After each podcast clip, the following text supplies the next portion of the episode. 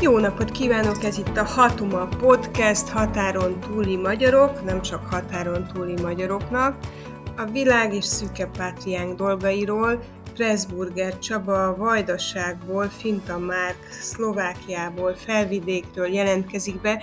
Én Parászka Boróka vagyok, Erdélyből, és arra kérem barátaimat, beszélgetőtársaimat, hogy nézzük át, mit hoztak az elmúlt hetek, hát tragédiát hoztak a törökországi földrengés, törökországi és szíriai földrengés következményeit most is látjuk, érezzük, két szempontból tartom nagyon fontosnak tovább követni az eseményeket. Egyrészt én úgy látom, hogy a nemzetközi szolidaritás nagyon erősen megnyilvánult és nagyon megérintette a térségben élő országok lakóit, akár még az olyanokat is, mint a görögök, akiknek tradicionálisan feszült a viszonya a török szomszédsággal, mint megtudtam, civil kezdeményezésre mentek mentőcsapatok, noha hivatalosan nem volt a két ország között együttműködés.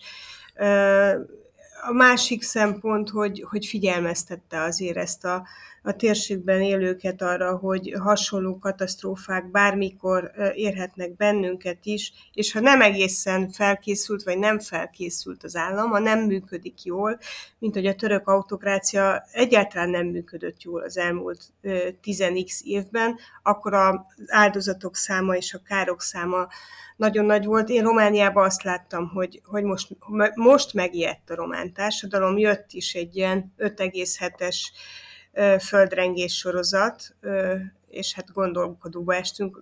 Hasonló megijedés volt nálatok? Csaba? mondjuk amikor Romániában is rengett a föld, akkor azért itt is találgatták, hogy mi leszünk a következőek. Annak ellenére, hogy Szerbia azért nem kimondottan az a terület, ahol a földrengések jellemzőek lennének, vagy gyakoriak, vagy súlyosak lennének. Évtizedekkel ezelőtt voltak súlyos földrengések, de akkor sem kimondottan Szerbiában, Montenegróban, illetve most már Észak-Macedóniának hívják, akkor még ugye Jugoszlávia részét képező Macedónia szocialista köztársaságban volt egy keményebb földrengés. Szerbiában inkább talán a, az árvizek azok, amelyek jellemzők, illetve amelyek nagyobb problémát okoznak, így a 2010-es évek közepén is volt egy óriási, és a szolidaritás szempontjából érdekes megemlíteni azt, hogy a úgymond tradicionális ellenségek a horvátok és a szerbek között a szolidaritás azért ekkor is megnyilvánult, mindennek el, mindannak ellenére, ami addig a kapcsolatokat övezte, tehát hasonló módon, mint a, most a görög-török viszonynál. Jöttek horvát mentőcsapatok, és segítettek itt a Belgrád alatti súlyos árvíznél, ahol egyébként nagyon sokan, több tucat ember életét vesztette. És később most, a, tavaly, tavaly előtt, amikor Zágrábnál volt egy súlyos földrengés, akkor is a szolidaritásnak a hangjai voltak, sokkal erőteljesebbek, bár nyilván ilyenkor mindig halljuk azoknak a hangjait is, vagy hát talán túl erősen is halljuk azokét, akik, akik egyfajta isteni büntetésről beszélnek, vagy egyfajta összeesküvés elméleteket próbálnak szövögetni, de most sem ez volt a jellemző, mármint a Zágráb alatti földrengés során, illetve korábban sem, amikor árvíz sújtotta a Szerbiát. Ilyenkor azért a szomszédok összefognak és megpróbálnak egymáshoz segíteni. Márk, te hogy látod a szlovák társadalmon belüli megosztottságokat, rétegződéseket? Egy ilyen katasztrófa próbára tenni ezt a társadalmat, hogy meg tudna felelni? Én azt, azt gondolom, hogy igen. Legutóbb éppen tíz éve láthattuk azt, hogy hogyan reagál a társadalom egy bizonyos katasztrófára, vagy természeti csapásra. 2013-ban ugye a Duna áradása az megmutatta azt, hogy hogyan, hogyan reagálnak az emberek egy ilyesmire, és hogy mennyire aktivizálják magukat, és hát akkor nagyon érdekes volt például, hogy hogyan fogott össze a két város, a két komárom annak érdekében, hogy, hogy elhárítsák a nagyobb károkat, hogyan építettek ugye homokzsákokból falakat, meg gátakat, meg mindenféle dolgokat, meg hogyan vadázták együtt a, ezeket a belvizes buzgárokat, vagy nem is emlékszem már pontosan, hogy hogy hívják őket. És az tényleg egy ilyen ma nagyjából azt hiszem, hogy egy hétig tartó küzdelem volt, amikor éjszakai őrjáratra jártak az emberek együtt, a, a gátak mellett keresték a feltörő vizet, meg hasonló dolgokat, és hát az egy, hagyott, hagyott egy nagyon pozitív benyomást a komáromiakban ar- arról, hogy hogyan lehet összefogni, amikor baj van. Viszont Érdekes, hogy említitek a, a törökországi földrengésnek a társadalomra gyakorolt hatásait. Szlovákiában ez szinte egyáltalán nem, nem érezhető. Tehát amikor te azt mondod, Barok, hogy Romániában megijedt a társadalom, pláne úgy, hogy ugye földrengés is volt, Szlovákiában ez már valahogy, mint hogyha messze lenne. Tehát nincs olyan különösebb hatása a dolgoknak, az emberek nyilván olvassák azt, hogy mi történik, meg a visszatérő mentőcsapatoknak a beszámolói is érdekesek, de egyébként nem képezi ez különösebben a közbeszédnek a tárgyát, és nincs is megrettenés. Úgyhogy de ez, ez ilyen nagyon érdekes. Meg az az információ, hogy például a, a a török katasztrófa léptékét az is meghatározta, hogy nagyon sok épület engedély nélkül épült fel, vagy engedély nélkül alapi, alakították át, és egyszerűen elvesztették a biztonságukat, ezek a stabilitásukat, ezek az épületek, tehát úgy dőltek össze, kvázi direkt a korrupció miatt, mint a kártyavár. És azért a román társadalomban azért benne van rendesen ez a kis mutyizás, meg engedély nélkül építkezés, hát most azért úgy rájött, hogy ennek tétje van. Szlovákiában ez, tehát ezt nyilván megírta a sajtó, és nyilván elemezték azt is, hogy mi történt például, vagy mi történhetett a, az, a, a fölrengés adóval, meg hogy mennyire dühös a török társadalom, és hát felhívták a figyelmet arra, hogy hát lehet, hogy Szlovákiában is vannak ilyen mutyik, meg hasonló dolgok. De egész egyszerűen nem, nem, nem volt ennek olyan nagyon különösebb hatása. Szlovákiában, hogyha mondjuk az építkezésekről beszélünk, vagy az építőiparról beszélünk, akkor most mindenki azt a pozsonyi felhőkarcolót ünnepli, amit most húznak fel tulajdonképpen, és meg fogja határozni a, a pozsonyi úgynevezett skyline-t, magát a városképet, és ez így nem, nem, nem ütött át, úgy érzem az inger küszöböt, tehát nem beszélnek arról, hogy ha nálunk is bekövetkezne ilyesmi, akkor, akkor mi történne. És az az igazság, hogy komolyabban pusztító földrengés nagyon-nagyon régen volt Szlovákiában. Tehát azt azért tudni, az, éppen az 1763-as komáromi földrengés volt, ami viszont a komáromi legendáriumba beírta magát, hogy hogyan dőltek össze a házak, meg hogyan nyelte el a, az esküvői menetet a föld, meg hasonló dolgok. És utána ugye voltak még mindenféle utórengések, de aztán az 1850-es évek óta igazán komoly földmozgás nem történt errefelé, és nem is egy szeizmikusan aktív területről van szó, úgyhogy nem, nem nagyon gondolkodnak erről az emberek. Az az Nálunk igazság. annál inkább ez a párhuzam megvolt, ugyan itt, is, itt tényleg ész nélküli építkezés folyik már évek, sőt évtizedek óta, és mondhatni, hogy ha ha maffiáról beszélünk, akkor itt az építkezési maffia a legerősebb Szerbiában, tehát megvan, hogy kiépíthet tulajdonképpen bárhová, és mindenféle különösebb engedélyek nélkül. Majd nyilván átkapcsolunk egy másik témára, és ez valamelyest át is kapcsol ez a, ez a része ennek a történetnek, hogy Újvidéken például most kijelöltek egy olyan területet, építkezési területnek, amely gyakorlatilag áttér, tehát a folyó medrében található, és azzal próbálják ezt jogilag kibekkelni, hogy egyszerűen jogilag leszűkítik a Duna medrét, és azt mondják, hogy ez valójában ez a félsziget, ahol majd felhőkarcolók kellene, hogy épüljönek, ez nem is a Duna részét képezi. Úgyhogy ilyenfajta építkezések mindenféle engedélyek nélküli, mindenféle biztonsági ö, rendszerek nélküli építkezés, ez, ez folyamatos, és ilyen, ilyen szempontból nagyon is felvetődött ez a kérdés, hogy mi lenne akkor itt, és hát valószínűleg hasonlóan járnánk, mint Törökországban, hogyha földrengés sújtaná ezt a térséget. Az ártéri építkezés az nálunk is egy bevett szokás, tehát a Duna árterében elég gyakran építkeznek még a tiltások ellenére is. Ennek ellenére továbbra is azt mondom, hogy mindig csak akkor téma ez, amikor, amikor valamiféle áradás van, és akkor általában az a reakció, hogy na hülyék voltatok, oda építkeztetek, és úgy kezelik, mint, az, mint egy belekalkulált veszteséget. Viszont ezen kívül tényleg nem látok semmi olyan más dolgot Szlovákiában, ami elmélyítené ezt a tudatosságot, hogy hát igen, bekövetkezhetnek katasztrófák is.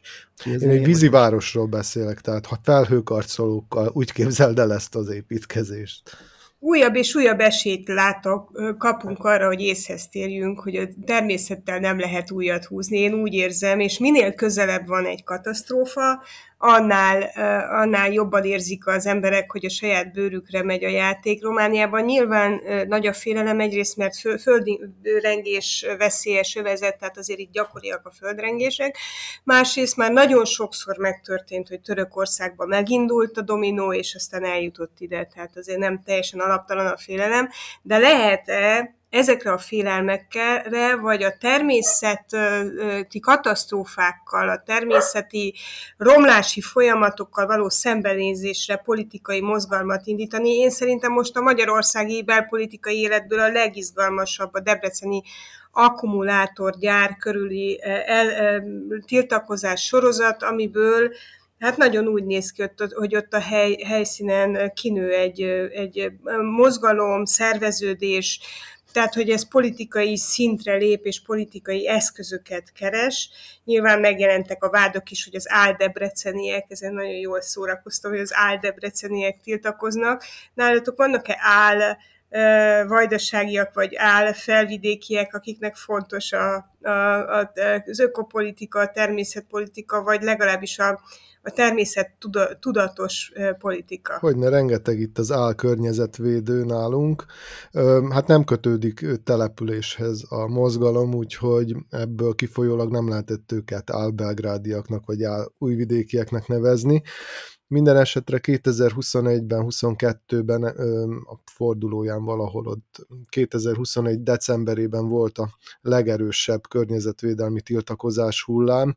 Ez gyakorlatilag nemzetközi szintére is eljutott a híre, amikor utakat zártak le, sőt az autópályát zárták le tömegek, az ellen tiltakozva, hogy egy bizonyos Ausztrál Rio Tinto vállalat, amelyet a lítium kitermelésről ismernek, engedélyt kapott arra, hogy Nyugat-Szerbiában ezt az ércet kitermelje, és hát hatalmas környezetrombolással járna, vagy járt volna ez, a, ez az exploatáció.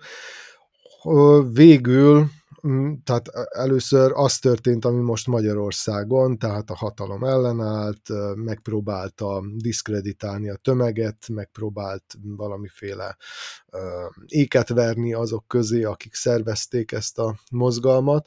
Aztán viszont gyakorlatilag két konkrét követelését a mozgalomnak teljesítette, visszavont két olyan törvényt, amelyek tulajdonképpen lehetővé tették volna azt, hogy mindenféle fék nélkül megkezdődjön ez a, ez a kitermelés, és hogy az engedélyt is ilyen formában már visszavonták, de ezzel gyakorlatilag félig meddig azt az eszközt, a tiltakozás eszközét kiütötte azok kezéből, akik ezzel a módszerrel éltek, ugyanis ugye az történt, hogy néhány hónappal később, áprilisban, ugyanúgy, mint Magyarországon is választásokat írtak ki Szerbiában, és nagy volt a kérdés, hogy vajon addig kitart ez az energia, mert az látszott, hogy nyilvánvalóan egyfajta politikai mozgalommá formálódik az az erő, amely megjelent az utcákon, de hogy, hogy ez milyen erőt fog képviselni majd akkor, amikor az emberek szavazni fognak, ez nagyon sokáig nem volt teljesen világos. És, és persze miután ez a két konkrét követelés teljesült, még valamikor az év elején 2022-ben, megoszlottak a vélemények, hogy akkor most mi legyen. Tüntessünk tovább, hiszen ettől, hogy két konkrét követelést teljesítettek, hatalmasak a bajok környezeti szempontból, vagy hát fogadjuk el azt, hogy teljesültek, és hogyha megint lesz valami konkrét ügy, akkor vonuljunk az utcára. És persze ez szakadáshoz vezetett a mozgalmon belül, így aztán már, amikor a választásra került sor, akkor sem volt ilyen egyértelmű a helyzet, hogy, hogy ki hová szavazzon, és hát bizony nagyjából olyan 5-6 százalékos eredményt ért el ez a mozgalom, illetve a mozgalom farvizén politikai pályára lépő erőknek a sikere. Hát ez nem túl, nem túl izmos, nem túl combos, továbbra is a szerb haladó párt itt a meghatározó elő az országban, és, és az hallatszik, arról lehet hallani, hogy, hogy mégiscsak valamiféle kiskapun vagy, vagy kerülő úttal a Rio Tinto mégiscsak elkezdheti majd a kitermelés Nyugat-Szerbiában. Hogy ez újabb ö, ilyen környezeti megmozdulásokat okoz-e, ez, ez egyelőre nagy kérdés. Jelen pillanatban nem látszik semmiféle jele ennek. Már lehet-e hosszú távon ö, ö, politikai pártot alapítani zöld politikára? Szlovákiából hogy látszik? Én nem úgy látom, hogy Szlovákiában erre lenne valamiféle nagyobb kereslet. Van olyan párt, amely elég szorosan rácsavarodott ennek, a, ennek az agendának a kommunikálására, ez a progresszív Szlovákia. Az a nagyon érdekes dolog ebben a történetben, hogy a zöld politikát és a, a környezetvédelmi politikát, illetve ezeket a, ezeket a dolgokat általában Közép-Európában, így Szlovákiában is mindig a progresszív és liberális pártokkal azonosítják, és ezáltal maga az egész agenda kap egy politikai bélyeget, hogy hát a, a haladárok, meg a liberálisok, meg a progresszívek el akarják venni az éles stílusunkat azzal, hogy figyelmeztetnek ilyen dolgokra. Holott ugye Nyugat-Európában, meg, meg a nyugaton ez már egészen más, hogy működik, és a, ott a, a jobboldali, illetve konzervatív pártok egy része is már bőségesen magáévá tette ezeket a, ezeket a dolgokat. Nálunk egyébként vannak, tehát van, amikor, van, amikor egy közösség tényleg fel tudja emelni a szavát bizonyos környezetkárosító dolgok kapcsán. Ugye emlékezhetünk, már beszéltünk e, ebben a műsorban is a sajószennyezésről és az arra adott reakciókról, de emellett például a, a sertéstelepek ellen szoktak kikelni a helyi lakosok. A csaló közben több olyan hely is volt, ahol kifejezetten élesen tiltakoztak az ellen, hogy Dán sertésfarmok települjenek a település közelébe, és általában sikerrel is jártak, például legutóbb Gútán egy Komárom melletti kisvárosban volt egy ilyen nagyon komoly ellenállás, és aztán ott meg is hiúsult maga a beruházás, de ott valahogy nem került elő, hogy a helyi lakosok baloldali soros ügynökök lennének, akik ezt meg azt meg azt akarnának csinálni, a, tehát hogy meg akarják akadályozni a gazdasági fejlődést, meg hasonló dolgokat. De hát a Magyar, Magyarországi ugye a Debreceni akkumulátorgyár kapcsán ott ez egy eléggé olyan specifikus helyzet, hogy a hatalom valamit nagyon akar, a helyiek valamit nagyon nem akarnak, és a hatalom felhasználja azokat az eszközöket, amelyek rendelkezésére állnak, hogy ellehetetlenítse a tiltakozókat teljesen mindegy számára, hogy Debrecen az egy fideszes bástya, igazából bevetik a lejárató kontingensüket, a Megafon központot és hasonló influencereket, és igazából a, a kommunikáció az tulajdonképpen ennek a szintjén, hogy ez ennek a síkján zajlik. Itt Romániában van néhány nagyon tanulságos történet ezzel kapcsolatban. A legismertebb ugye a Verespataki aranybányászat megakadályozása, ami sok évtizedes, nagyon kemény munka, több kormány nyal folytatott harc, már több román kormányjal és nemzetközi szinten folytatott egyeztetések, ami hát végül is sikerrel járt, mert az aranybányászat nem indult el, de a nagy tanulság az, hogy hosszú távú, fenntartható zöld politika ebből nem lett. Mert felszívta az aktivistákat több más párt, mert elfogyott az ok, nem találták ki, hogy hogyan lehetne folytatni igazából. Nagyon fontos az, hogy a helyi érdekeltség, az, hogy az emberek bő, a bőrükön érezzék a tétjét a dolgoknak, az meglegyen.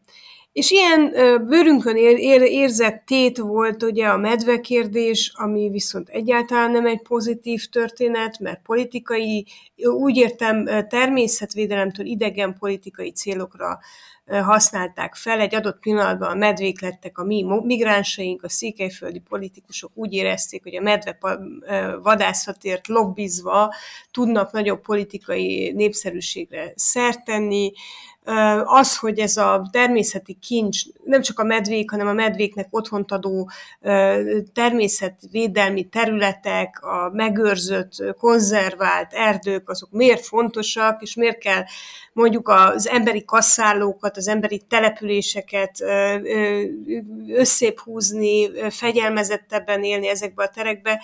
Ezt így nem, nem sikerült már felvetni, vagy napirenden tartani, vagy emögé mozgalmat építeni, és ugyanígy nem sikerült a folyók tisztaságáért dolgozni, és azt fenntartani, a bánya bezárásokat, úgy, és bányaszanálásokat úgy végrehajtani, hogy az természetvédelmi szempontból fenntartható és hasznos legyen. És azt hiszem, hogy azért nem, mert e, ezekre az ügyekre mindig, ahogy Debrecenben is rátelepednek a politikai pártok, és elkezdődik a Móricz Zsigmond rokonokjából ismert nagyon rövid távú gondolkodás, amikor gyorsan, magánhasznot akar kihúzni valaki egy közösségből, egy közösségi térből, és hát ezt, ezt mondjuk ki, ezt úgy hívjuk, hogy korrupció. Tehát addig, amíg a korrupció mértékét nem sikerül csökkenteni, addig nem lesz zöld politika. Ez, ez a számomra nagyon furcsa összefüggés, hogy,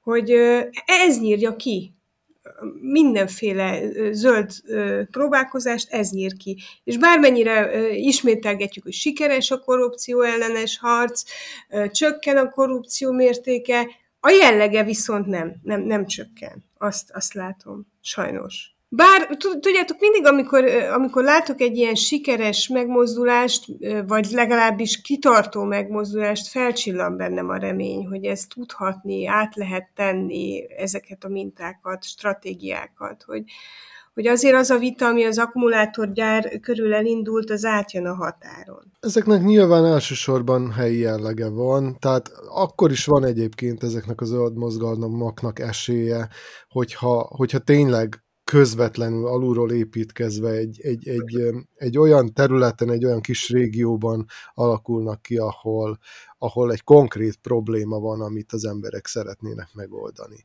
És mondjuk én el tudom képzelni azt, hogy akár Debrecenben egy olyan politikai erő formálódjon, amelyik helyi szinten sikereket tud elérni. De ahhoz, hogy ez országos szintű mozgalom legyen, ahhoz az kellene, hogy mondjuk más településeken is hasonló úgymond problémák, vagy olyan kérdések vetődjenek fel, amelyeket össze lehet kapcsolni ezzel a Debrecenivel. És ez történt nálunk, amikor, amikor több ilyen helyi kisebb mozgalom fogott össze és vonult az utcákra, és hát persze ugye minden szentnek maga felé hajlik a keze, az egyiknek a konkrét követelését teljesítették, a másikét nem, hát ez már is egy szakítás, szak, szakító próba volt közöttük, hiszen az egyik úgy érezte, hogy hát most mit keressen ő tovább az utcán, amikor gyakorlatilag amit kért, az, az, az teljesült. Igaz, a másiké nem, és hát a szolidaritás az fontos dolog, és valójában magunk alatt vágjuk a fát, hogyha csak a saját kis mikrokörnyezetünkre koncentrálunk, és csak annak a céljait tartjuk fontosnak. De hát ugyanakkor meg hogyan magyarázni meg ezt a híveinknek, akiket azért hívtunk az utcára, hogy ezt a mi kis ügyünket rendezzék. Egyébként van egy nagyon ér... Igen, bocsánat, mondjad nevettünk, nem, fejezd be ezt a gondolatot, mert azt hiszem, hogy fontos. Ne, át akartam kapcsolni egy másikra, úgyhogy nyugodtan. Én, számomra az, az a tragikus ebben a debreceni ügyben, hogy mennyire hamar elkezdődött az ellenségképgyártás. Tehát egy ilyen konkrét és nagyon helyi ügyből is azonnal lehet egy ilyen közösségből kizáró, megbélyegző ügyet kreálni, és ugyanúgy, mint a nagyon elvont migráns pánik idején, amikor a kultúránkat elevő idegenektől rettegtünk, ugyanúgy elkezdődött a, a vita arról, hogy ki a debreceni és ki az áldebreceni. Ez a határon túli közösségekben még súlyosabb, amikor elkezdődik a nemzetárulózás magyarok között, a- akkor, akkor nem egészen értem, hogy mit látunk, mi az a jelenség, mivel is vádoljuk egymást. A napunk oldalán volt Finta Márknak egy nagyon érdekes cikke, és abba bízom, hogy, hogy te érted azt, amit én nem értek már. Miért nemzetárulózzuk egymást? Mert nagyon könnyű dobálózni ezzel a szóval. A nemzetáruló szó az tulajdonképpen egy ilyen politikai termék, egy ilyen politikai, retorikai bombon, amit ki lehet nyitni, amikor valaki éppen nagyon-nagyon bele akar szállni a másikba. A hazáruló szónak ugye egy szinonimája, de mivel jogilag a hazáruló szót azt nem lehet rá húzni egy, egy határon túli magyarra, mert általában azokra szokták használni, ugye, akik éppen nem a magyar zárvány szája íze szerint való gondolatot fogalmaznak meg valamilyen ügy kapcsán és tulajdonképpen ilyenkor húzzák elő a nemzetáruló szót, tehát a határokon átnyúló uh, politikai nemzetet árulja el az a valaki, aki uh, éppen kritikát fogalmaz meg mondjuk éppen a uh, határokon átnyúló politikai nemzet uh, vezetése felé, és hát ugye ez, ez most nagyban történik, illetve uh, Szlovákiában most ez elég gyakran elhangzik ez a szó, ismét előhúzták, mert nagyon úgy tűnik, hogy van, van hatása azok a feszültségek, amelyek vannak most tulajdonképpen ebben a szlovákiai magyar közösségben nehéz ezt így pontosan megfogalmazni, hogy tulajdonképpen miben, hogy magában a, a szövetségben, illetve a politikai képviseletben, vagy úgy általánosságban véve az összes szlovákiai magyar között, ezek, ezek ennek a feszültségeknek a húrjain tud játszani ez a szó, és nagyon úgy tűnik, hogy bizony meglehetősen éles hangot is ad, és hangosat és artikuláltat, tehát van, van termőtalaja ennek a dolognak. És hát ez, ugye ez most megtörtént, hogy több mint egy évtizeden át zajlott a harc a híd és az MKP között, ahol az MKP rendszeresen, illetve az MKP-s politikusok némelyik rendszeresen előhúzta az áruló szót a, a hídasokkal szemben, mert hogy megosztották a magyar politikai képviseletet, és hát ezt kiegészítették tetszés szerint a, a nemzetáruló, illetve a nemzet előtaggal főleg amikor mondjuk a, a híd politikusai valami mondjuk így liberálisabb dolgot tettek vagy mondtak, vagy éppen amellett érveltek, hogy nem feltétlenül kell a szlovákiai magyarságnak zárványban élnie, és olyan zárt közösségben élnie, ahová a fény se jut be igen, ilyenkor, ilyenkor előkerült az, hogy valaki nemzetáruló, mert elárulja a saját fajtájának az érdekeit, és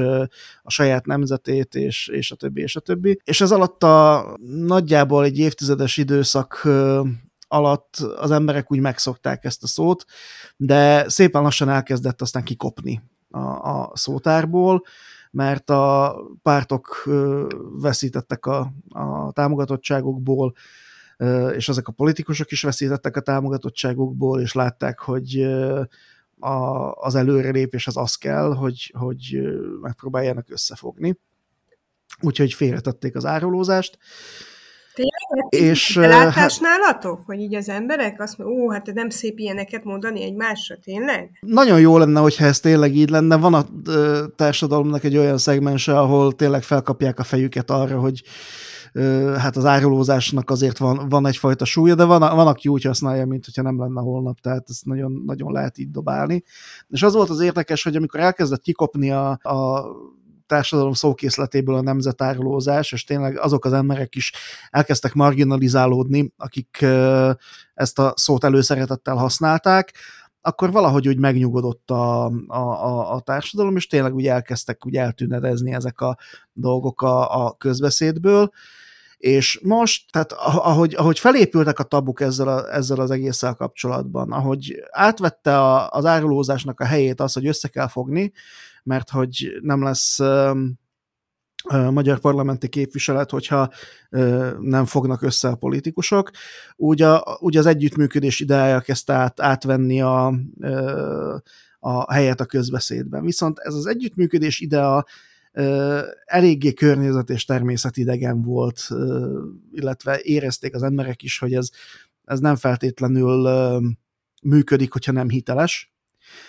Úgyhogy a feszültségek megmaradtak így a, a, a háttérben, és tényleg ez az egész helyzet, ez tényleg csak arra várt, hogy, hogy valaki ismét elővegye ezt a szót, és aztán elő lett kapva ismét, Gyimesi György által, aki ilyen harmadik utasként kívülről kezdett el taktikázni és belemászni a szlovákiai magyar politikába, és hát ő megtörte ezt a tabot, tehát neki nem volt ö, probléma elkezdeni ismét dobálózni ezzel a szóval, és azzal, hogy így bedobta a kútba a követ, és belehallgatott, hogy milyen hangot ad ki a kút, hát meglehetősen nagy visszhang érkezett rá, és nagyon sokan értenek egyet azzal, hogyha valaki azt mondja egy másik, a politikai ellenfelére, hogy nemzetáruló,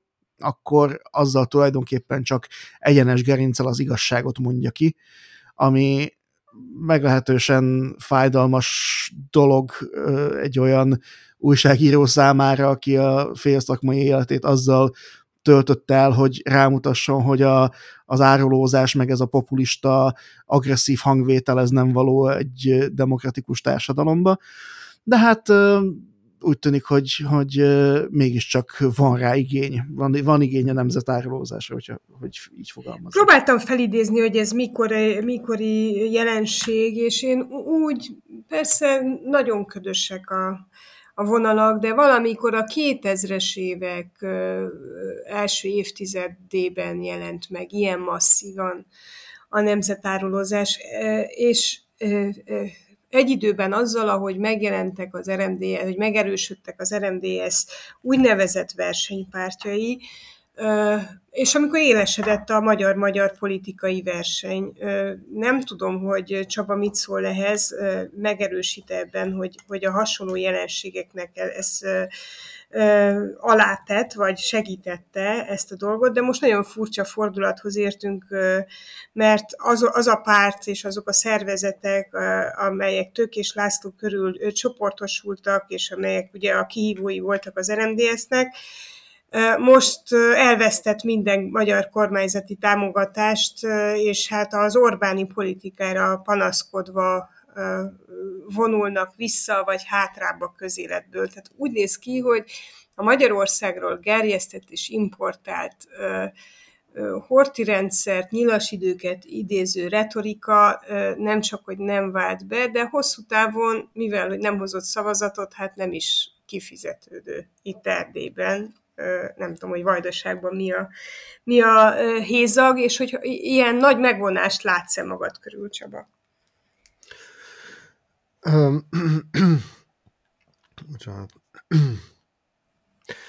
Csak még röviden reagálnék arra, amit mondtál a nemzetárulózással kapcsolatban. Hát itt már nagyon régóta nincsenek sem nemes, sem nem, nemtelen viták, úgyhogy ezek a kifejezések szintén kikoptak a közbeszédből, mint ahogy tulajdonképpen az összes szó kikopott, hiszen nincs közbeszéd, de de uh, igen, akkor volt ez jellemzőbb, akkor voltak uh, janicsározások, vagy én is megkaptam, ez, mai napig emlékszem a nemzetétől elbitangolt liberális ficsúr kifejezést, ami hát ez nagyon szép.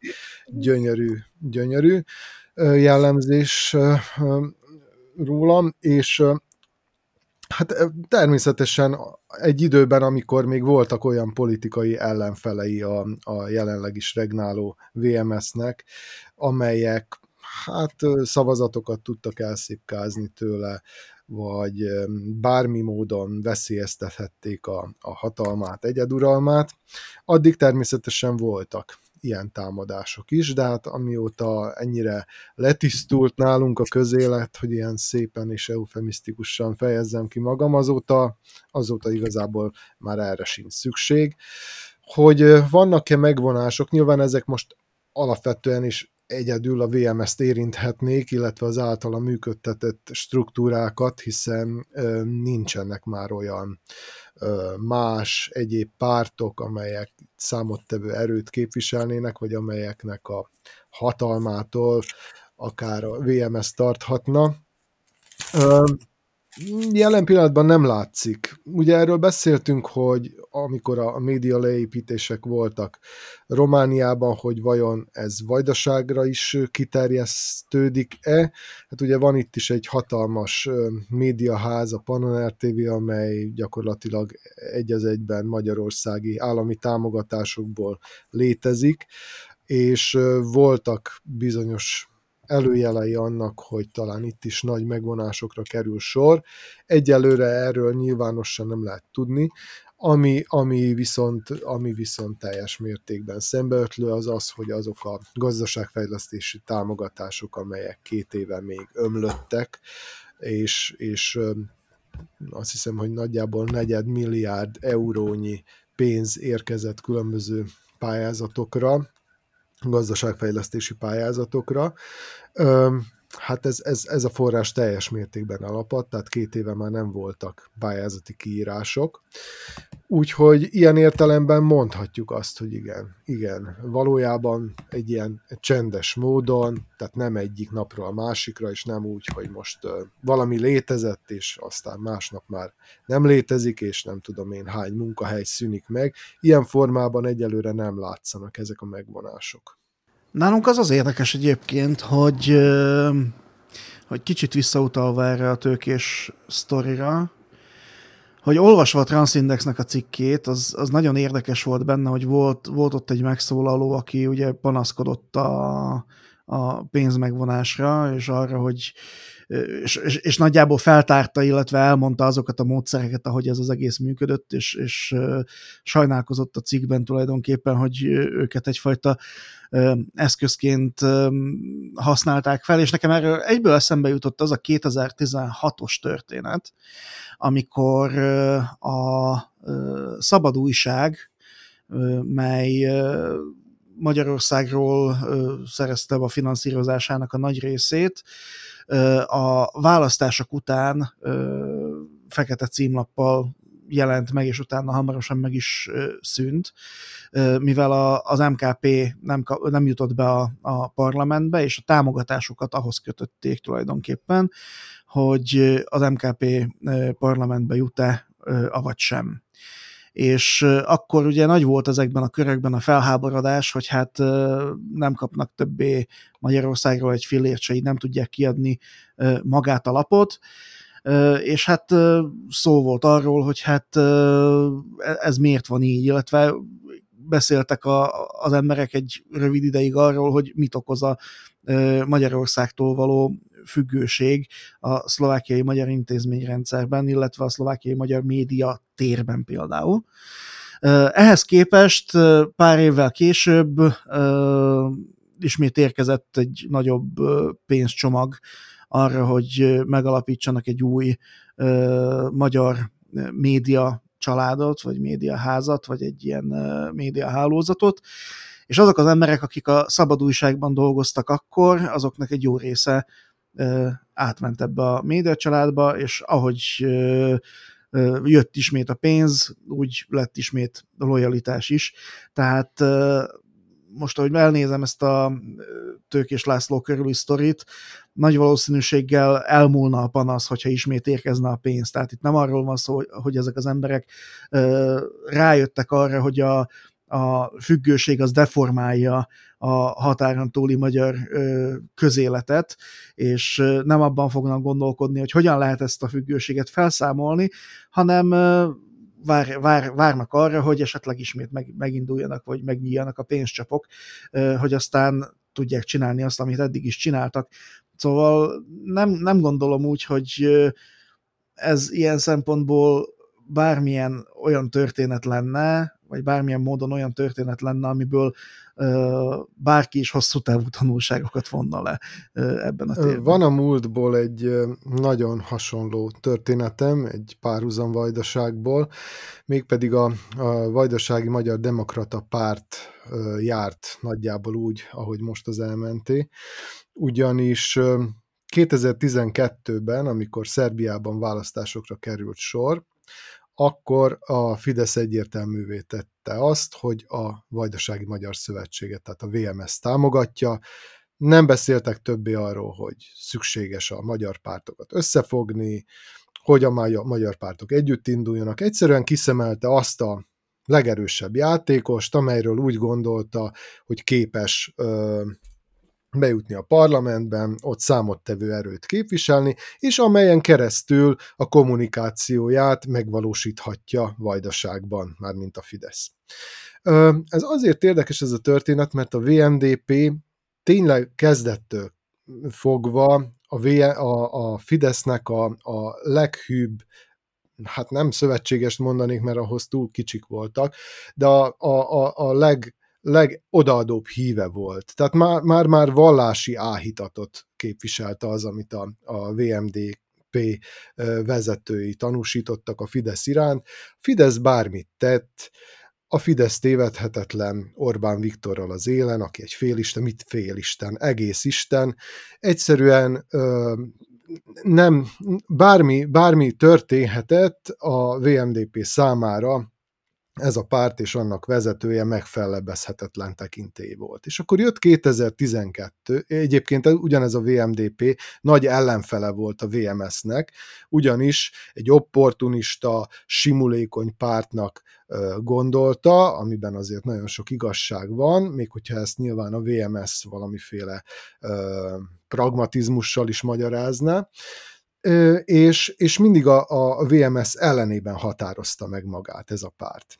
És akkor jött 2012, amikor a Fidesz azt mondta, hogy figyelj te, jobb, nem érdekelsz bennünket többé, mi ezt a pártot választjuk, a VMS-t, akkor egy hatalmas sok volt a VMDP berkein belül, napokig nem érkezett az a hírlevél, amelyet a párt elnöke írt napról napra, és küldött el több száz címre, tehát már ez jelezte azt, hogy mekkora a döbbenet, és aztán néhány nap után mégis jött egy ö, hírlevél, a hivatalos magyarázattal, amely egyáltalán nem volt dühös, és nem volt ilyen, mint most az elmentéből érkező hangok, ö, hanem egyfajta rezignáció érződött benne, és, és annak a belátása, hogy a Fidesz biztosan tudja, hogy mit csinál, most is tudja, tudomásul vettük, ez van, hát akkor a VMS-re kell szavazni. Tehát ez volt a VMDP hozzáállása, amely természetesen ma már gyakorlatilag nem is létező párt, és most már ott tart a történet, hogy ők maguk is a híveiket arra szólítják fel, hogy a VMS támogassák. Én azt hiszem, hogy ebben a folyamatban kulcs szerepet játszik az, amin minden politikai párt végbe végigmegy közép-kelet-európába, vagy világszerte, hogy, hogy a politikai pártok nem érdekképviseletként működnek, nem közösségi szervekként, hanem ilyen lobbycsoportokként, vagy a közpénzekhez hozzáférő csoportok vetélkedőjeként, vagy versenyzőiként. És és igen, az RMDS is, és az úgynevezett versenypártjai is kifizető helyek lettek a 2000-es évek óta. Azért, ha jól megnézzük, és ezt, ezt le lehetne szervezeti szinten rajzolni, hogy hogy nézett ki a 90-es években a kisebbségi érdekképviselet, szerintem Szlovákiában és felvidéken is hasonló lehetett a helyzet, hogy volt egy politikai szervezet, amelyik tárgyalt a mindenkori magyar társadal- kormányjal, de közben voltak alapítványok, szervezetek, akikkel egyeztettek, fórumok, és, és ment a közösség szervezés. Ez volt a 90-es években. Aztán elkezdődött a 2000-es évektől egy ilyen hatal, hatalomkoncentráció, Megfogyatkoztak az alapítványok, az egyesületek, kiemelté vált egy vagy két alapítvány, azon keresztül kezdett el történni minden, csökkent a rendezvények, a kezdeményezések száma, nőtt a politikai kampányok jelentősége, a, a szavazatszerzőgép az egyre jobban, gőzgép az egyre jobban bedurvult, és aztán végül nem maradt csak egy-egy szervezet, rájöttek, hogy minél kevesebb felé kell a minél kevesebb pénzt elosztani, mert azért lássuk be, hogy itt a nagy pénzosztások után egyre jobban szűkültek a források, vagy szűkülnek a források, szóval minél kevesebb felé oszlik, annál jobban jár az, aki még kap. És ennek a, a, a kisebbségi depolitizálásnak a, a végén vagyunk most. Én ezt vélem felismerni, vagy, vagy nem, nem tudom, hogy mennyire ismer, ismerik fel a szereplők akik ebben vannak benne. De azon gondolkodtam, hogy vajon az RMDS-esek fejében megfordul, hogy ma ti, holnap mi, hogy ugyanígy fog leépülni az RMDS is, és az utolsó utáni kisebbségi szervezet is, és akkor mi lesz? Szerintetek ez, ez így megfordul a fejükben? Szerintem egyébként megfordul a fejükben, de ez szerintem a kezdetektől benne van ezeknek az aktoroknak a fejében mert ismerik ennek az egész történetnek a természetét, tehát hogy itt ez az egész valahogy nincs kőbevésve. Ezért is meglepő számomra, hogy a, a, az elmentések ennyire meglepődtek azon, hogy, hogy mellékvágányra lettek állítva, hiszen ez egyszerűen a rendszerben van kódolva. Ez az egész arról szól, hogy a, nem csak a lojalitást, hanem a hatékonyságot is megköveteli a magyar kormány azoktól a szervezetektől, amiket támogat. Tehát itt nem arról van szó, hogy ők beleölnek egy csomó pénzt ezekbe a szervezetekbe. A politikai érdekérvényesítésre például, vagy arra, hogy, hogy, hogy beteljesítsék a, a missziójukat, és ezeknek a misszióknak a végén nem jár jutalom, hiszen azt megkapják útközben, megkapják a pénzt, paripát és fegyvert, és ebből kell aztán ebből kell aztán takarékoskodni, vagy ebből kell aztán dolgozni, és hogyha a MOR megteszi a kötelességét, akkor a MOR mehet. Ez szerintem teljesen nyilvánvaló ezeknek az embereknek a számára is, és nagyon naív az, aki úgy gondolja, hogy, hogy ez ne, nem így van, vagy nem így működik. Ezért is olyan ezért is volt nekem olyan nagyon furcsa, hogy ők most uh, nagyokat néznek, hogy, hogy, hogy be kell zárni a demokrácia központokat Erdélyben. Hát az RMDS, amikor kiegyezett ugye a fidesz és megtörtént a közeledés, akkor elkezdett egy hasonló hálózatot építeni, mint a demokrácia központ, ami ugye a kedvezményes honosítással foglalkozik, és, a, és kialakult a versenyhelyzet. Tehát ők tudták azt, hogy akkor most lesz két párhuzamos intézményhálózat, és nagy valószínűséggel Magyarországról csak az egyiket fogják fenntartani, és a tőkés csapatnak nem lesz elég politikai ereje ahhoz, hogy a mamut méretű RMDS-t ebben a térben le Na de figyelj, az a cél, Tehát amiért... nem, nem tudom, hogy mire fel a nagy meglepetés. Az a cél, az, miért létrehozták ezeket a központokat mindkét oldalon, jelesül, hogy állampolgárt és az állampolgár révén szavazót szerezzenek, ez részint megvalósult, részint jelentőségét vesztette, mert amit akart ez a kormány, ez most már magáinak tud, és innentől kezdve erre nincs szükség ezekre a hálózatokra. Se RMDS szinten, se más szinten. Egyszerűen nincs szükség rá. Nem fog ez fennmaradni. Hát majd a következő választás akkor lehet, hogy lesz rá szükség, mert ugye a szavazatok begyűjtésével, meg hasonló dolgokkal is, meg tanácsadással foglalkoztak, de hát nyilván jóval karcsú formában fog ez a hálózat fennmaradni, mint ahogy ez a túlburjánzó demokrácia központ, tehát ez a kormányablakszerű, határon túli kormányablakszerű hálózat működött. Amíg pénzbőség volt, addig, addig nem volt kérdés az, hogy ezeket a hálózatokat föntartsák, akár szimpátia alapon, miért ne, hiszen őszinte híveink ők, hát akkor legyen meg egy kis pénzmagjuk, amit ott kezelgetnek. De hát most nem ez a helyzet, ugye megvonások vannak, és a Fidesz egyszerűen racionalizál. Ez egy nagyon racionális döntés volt, hogy, hogy felszámolni ezeket a hálózatokat, nem adni olyasmire pénzt, amiből nincs haszon. Na most, aki emiatt csalódott, az azért csalódott, mert úgy érzi, hogy a Fidesz az jóságos, a miniszterelnök jóságos, és ő segíteni fog bennünket. Azt gondolom, hogy az RMDS-ben, mint ahogy a VMS-ben is, viszont sokkal pragmatikusabban és racionálisabban látják ezt a helyzetet, és azt mondják, hogy a Fidesz az a saját érdekeit nézi elsősorban, és hogyha van pénze, akkor ad, ha nincs, akkor meg majd racionalizálni fog, ahogy ezt most látjuk Erdélyben is. Na hát eddig tart, tartott az észszerűség Erdélyben, és az adásidőnk sajnos futunk ki, de ahogy elnézem ezeket a készkezet most folyamatokat határon túli közösségekben lesz témánk jövőre is, jövő hétre is. Ez a beszélgetésünk felkerül majd a podcast csatornákra, és jövő héten önökkel, valamint Finta Márkal és Pressburger Csabával újra itt. Én Parászka Boróka vagyok, az erdélyi beszélgetőtársa fiúknak. Köszönöm, hogy figyeltek ránk, és figyeljenek ránk jövő héten is. Viszont hallásra!